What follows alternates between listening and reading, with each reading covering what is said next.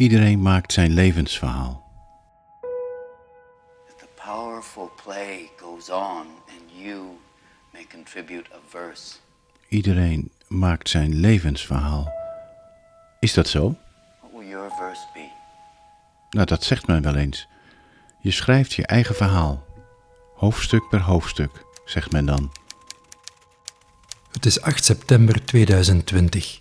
Het Vlaams onafhankelijk tijdschrift Humo laat schrijfster Emma Klein aan het woord.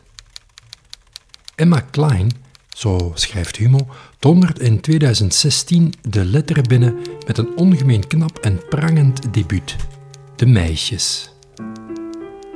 Emma Klein kent dus iets over het schrijven van verhalen.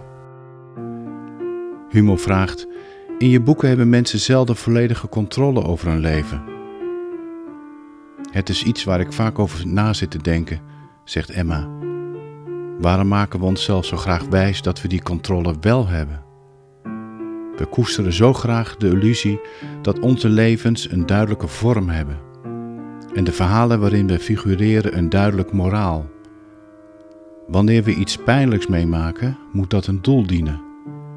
We leren er iets uit, of het brengt ons bij iets nieuws, of het maakt ons sterker.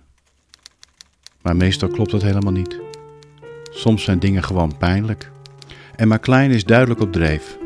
Daar hoort ook vaak die eeuwige mantra bij, zegt ze, dat we uit alles moeten leren. Dat impliceert dat je voortdurend jezelf verbetert. Maar ik geloof dat dat ook een illusie is.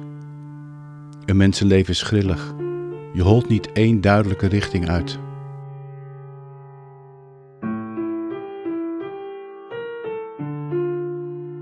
In onze verbeelding krabt de journalist zich even in het haar en stottert en zoekt dan naar deze vraag.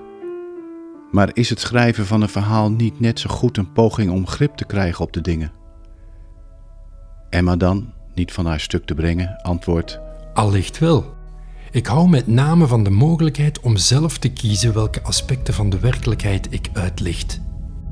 Dat is ook wat mij intrigeert aan alle schrijvers die ik bewonder.